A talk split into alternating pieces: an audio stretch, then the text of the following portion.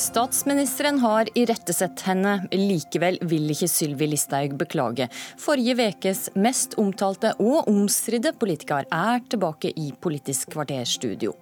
Og de største tabbene, de hemmelige hersketeknikkene og de beste triksa for å holde på ordet, Jan Petersen og Kristin Halvorsen deler erfaringer foran kveldens partilederdebatt. Sylvi Listhaug, integrerings- og innvandringsminister. Det blei oppheita debatt mellom det og Hareide i dette studioet i forrige uke. Har du noe du har lyst til å si til Knut Arild Hareide? Det at vi nå skal sørge for at det blir et ikke-sosialistisk flertall, at vi sørger for at landet får trygg styring videre, med mindre skatter, ikke mer, med en ansvarlig innvandringspolitikk og ikke et innvandringseksperiment, som jeg er redd for at det kan bli med Arbeiderpartiet i førersetet. De kan altså bli avhengig av Rødt, som vil ta imot 20 000 flyktninger. Det vil gi også flere asylsøkere. MDG, som vil reversere alle endringer som ble gjort på innstramminga.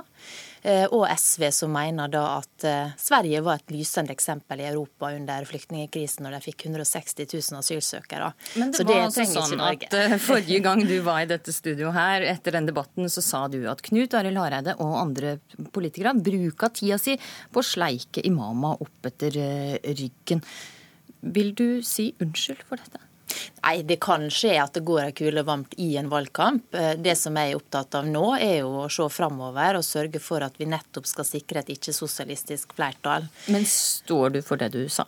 Jeg, som sagt så kan det gå ei kule varmt, og jeg mener at det viktigste nå er å se framover. Og vi har faktisk fått til veldig mye godt i lag på borgerlig side, eller ikke-sosialistisk side. Men nå er du invitert eh, det, til denne sendinga for å også se litt bakover på hva som skjedde forrige uke. Og det er altså sånn at du ikke ønska å si unnskyld til Knut Arild Hareide, men du fikk altså rett og slett refs av sjefen din. Vi skal høre hva statsminister Erna Solberg sa etter debatten. Jeg mener at det ble sagt ting der som ikke bør sies i en norsk valgkamp, som ikke tilhører den retorikken vi bør ha mot hverandre, særlig ikke mellom to partier som samarbeider. Du blei altså irettesett av statsministeren offentlig for første gang, så vidt jeg vet iallfall. Hvordan var det? Nei, Det må man tåle. Sånn er det. Og, og det er klart at det, det, viktigste framover er at vi nå jobber sammen for å få et ikke-sosialistisk flertall. Er du eh, enig som, Ja, det var ikke spørsmålet. Ja, er du enig med Erna Solberg i at Slikt skal han ikke si i norsk eh, valgkamp. Slik retorikk bør vi ikke bruke mot hverandre. Det sa jeg jo ganske tidlig etterpå, at det gikk ei kule varmt. Men så er det sånn at Erna Solberg også har hatt min jobb tidligere når hun var kommunalminister. Så hun vet litt om at denne jobben er forholdsvis tøff å ha. Eh, innvandring og integrering det er et felt som skaper sterke følelser, enten man er for eller mot.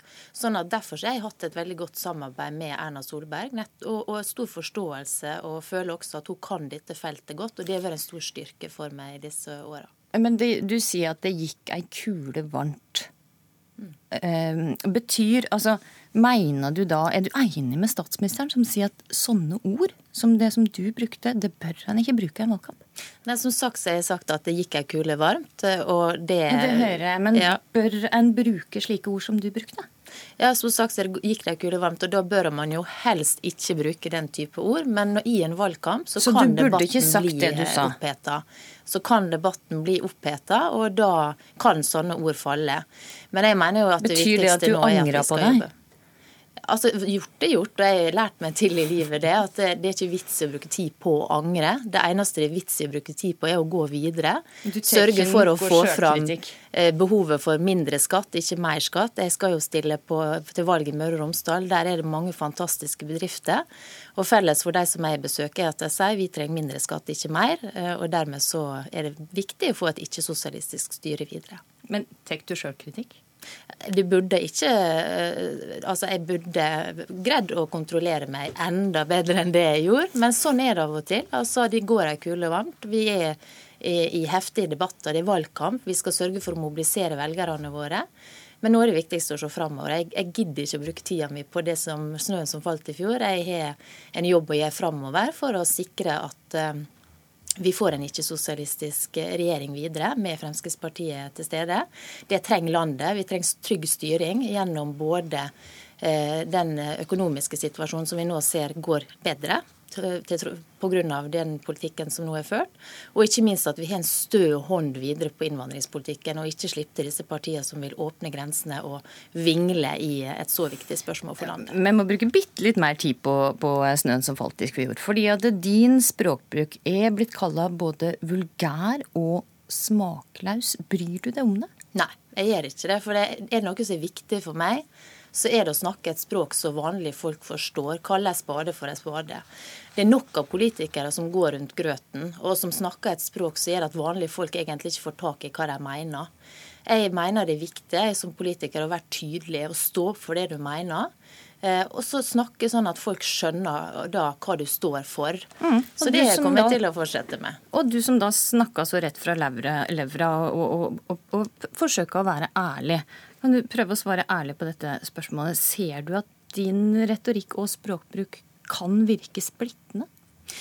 Altså Det er jo veldig mange som er opptatt av å påpeke det. Og de er jo ofte veldig opptatt av også å vri og vende på det som jeg faktisk sier. Eh, jeg mener jo det at det, mitt språk tar utgangspunkt i det som er realiteter. Så er det mange i debatten om innvandring og integrering som helst vil skyve problemet under teppet og bare rosemale alt som skjer. Jeg mener det er feil. Jeg mener at det de har prøvd i Sverige, det skal vi ikke gjøre her. Og da er det viktig at vi diskuterer det som er realiteter for, for, velferdsmodellen vår. Vi er nødt til å lykkes med integrering, for ellers så vil den måtte kunne bygges ned på lang sikt hvis mange er utenfor arbeidslivet og vi ikke får nok inntekter til å kunne dekke eh, regningene på sikt. Men når du Verdier bruker det er som, viktig for hvordan vi nå gjør disse tingene framover. Men når du bruker ord som, som eh, å sleike opp etter ryggen og bære på gullstol og, og eh, godhetstyranni, så blir jo debatten handlende om ordbruken din, og ikke om fakta. Ser ja, det, du det? Det er jo det som da eh, mange ønsker å gjøre, fordi at man ønsker ikke å diskutere realiteter. Har det noe det med liksom det du bedre. sier å gjøre også, eller er det bare de andre sin feil? Jeg tror mange ønsker helst å ikke diskutere det. F.eks. det med godhetstyranniet som jeg snakker om. det med alle ønsker å hjelpe, men jeg mener at det viktigste er å hjelpe de mange. Og da må vi ha en streng politikk hjemme, som gjør at vi kan bruke pengene ute. Så skjønner jeg at man vil gjerne diskutere hvor slem og fæl de som mener det er. Men poenget er jo at jeg mener det er det viktigste, for vi kan hjelpe mange flere mennesker. Og den diskusjonen er det mange som ikke vil gå inn i. Og da er det klart at det å bruke dette ordet kan være ganske, eh, ganske fristende for dem. Men jeg kommer ikke til å tillate at vi ikke diskuterer det, for jeg mener det er helt nødvendig for framtida at vi faktisk gjør det. Både Venstre og KrF trekker fram at eh, din retorikk og du som er et av de største problemene for borgerlig samarbeid. Hva for refleksjon gjør du det rundt det? Jeg mener det er viktig at vi er fire forskjellige partier. At vi har vår egen stil i de fire forskjellige partiene. Eh, og jeg mener at det er en styrke. Det er ikke noe mål at alle sammen skal være like. Jeg er jo en politiker som har tro på at folk skal få lov til å være ulike, skal få ha sin egen stil, skal få leve sitt eget liv, skal ha frihet til å kunne gjøre det. Eh, mens det høres ut da kanskje som at man mener at alle politikere skal være like og, og snakke hverandre etter munnen. og å snakke denne her bomullen som, som mange gjør. Jeg, jeg, jeg syns det blir kjedelig. Det blir grått og trist i norsk politikk hvis det skal være sånn. Vi er nødt til å ha noen som er litt fargeklatta og kan skape debatt. Hvis ikke så tror jeg folk flest sovner der ute. Men det at din stil og din retorikk blir et problem for det borgerlige samarbeidet, kan du se det? Jeg mener det er viktig at vi da kan få lov til å diskutere de vanskelige spørsmålene og være oss sjøl. Det kommer jeg til å fortsette med. Eh, og så føler jeg at vi har et godt samarbeid på kjempemange områder. Også med KrF så har vi f.eks. fått på plass nye eh, måter å jobbe med konvertittsaker på. Altså personer som er gått fra en annen religion over til kristendommen, hvordan vi skal behandle de sakene. Vi har gjort masse for minstepensjonister, kjempeviktig. Barnefattigdom. Og vi har da vridd også bistanden over til mer hjelp i eh, nærområder til nød og katastrofe. Det er jo kjempeviktige ting som vi har fått til sammen. Eh, og som vi må fortsette å jobbe for å eh, styrke framover. Mm. Til slutt, eh, Sylvi Listhaug, flere har peka på deg som arvtaker til Siv Jensen. Skulle du ønske at det var du som skulle i partilederdebatt i kveld? Ikke i det hele tatt. Jeg gleder meg til å sitte på sofaen og slappe av. og så eh, av den jobben. Men tror du at du kommer til å bli et tema? Det ser jeg vel ikke vekk fra. Dere liker å ha meg som tema, dere journalister. Så eh, det skal vel ikke se vekk fra det. Men jeg syns det viktigste er å diskutere de store sakene. da. Syns du det er bra eller dårlig om du blir et tema, da? Jeg syns det er så mange spørsmål som er langt viktigere å diskutere enn meg. Så for landet og for velgerne så tror jeg det beste hadde vært om eh, jeg fikk litt fred hjemme i sofakroken. Takk, Sylvi Listhaug.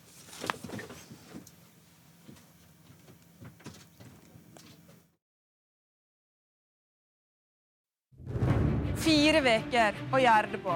Og det er din stemme som skal vinnes. Får Erna Solberg fire nye år som statsminister? Nei, jeg kommer til å vinne, sier Jonas Gahr Støre. Partilederdebatten i Arendal er deres første eldprøve. Og stortingsvalgkampen den følger du på NRK. I kveld er kvelden det duka for valgkampens første partileierdebatt, og vi har eh, fått inn to i studio som veit hvordan det er å være partileier på en dag som denne. I tidligere Høyre-leder Jan Petersen og tidligere partileier i SV Kristin Halvorsen, velkommen tilbake til Politisk kvarter. Jo, takk. Takk for det. Først, eh, Kristin Halvorsen, hvordan er det å være partileier i dag? Eh, jeg vil tippe at de gleder seg. Eh, det gir en mulighet til å sette dagsorden for valgkampen, men de fleste har vel liksom skjerma tiden for å sørge for at de er i, i god form. Men jeg snakka med Audun Lysbakken her eh, forrige dagen, og han er veldig sånn klar eh, for å gå i gang. Og Vi har mange gode debattanter nå også. Audun er jo en kjempegod debattant, så han er liksom bare ja, i farta. Jan Petersen, hvor viktig er denne debatten i kveld? Jeg tror den blir veldig viktig. Eh, I en valgkamp hvor det ikke er helt sikkert hva som blir hovedsakene, så er, det, så er det å kunne definere valgkampens hovedsaker i den innledende debatten, det er ganske viktig. Så det blir jo ikke en kamp om dagsorden eh, i dag. Og faren for å trå feil er også til stede. Og Kristin Halvorsen, du hadde en, kanskje en verst tenkelig start på en eh, partilederdebatt. Du måtte rett og slett starte med å beklage det. Fortell hva som skjedde. Eh, det var i valgkampen i 2003, og vi hadde et, eh, et, eh, en valgkampåpning på en skole i Oslo. Og så er det en av NRKs skarpe journalister, Lilla Sølesvik, som stiller meg et spørsmål som jeg svarer veldig dumt på. Og det blei jo egentlig da bare forvirring rundt vår hjertesak. Sånn at når partilederen, første partilederdebatten gikk, var Knut Olsen fra Bergen så begynte jo han å spørre meg hva er det egentlig du har ment. og sånn og sånn. Så sa jeg jeg tok for mye Møllerstrand. Det sa jeg på bakrommet til han.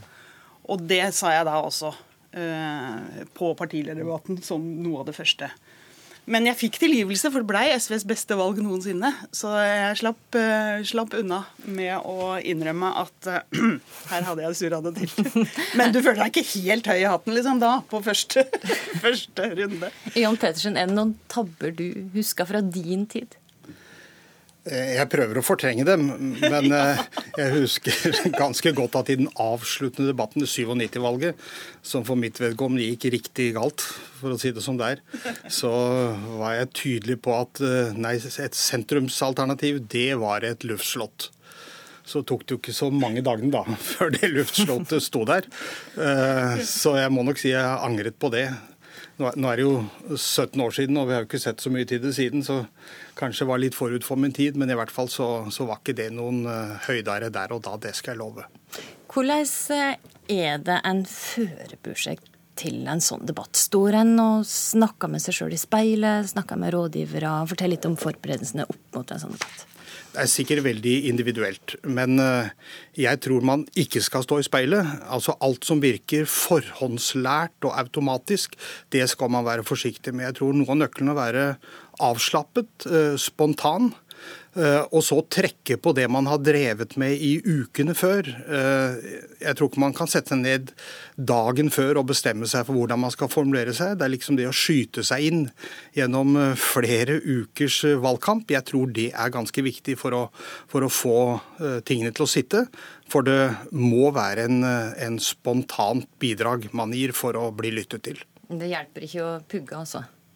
Nei, men jeg tror du må ha en veldig sånn grunnleggende trygghet i bunn. I hvert fall var det utrolig viktig for meg. Jeg kunne terrorisere mine omgivelser og be om bruttonasjonalprodukt i Mali og sånne ting som jeg visste jeg ikke fikk eh, bruk for overhodet, men var bare liksom sånn for å ha grunnlaget der. Og samme dag som viktig eh, partilederdebatter, så hadde jeg liksom noen av de nærmeste sammen med å drodle og diskutere litt og, og være godt forberedt. Og så har jeg alltid en Men var du nervøs?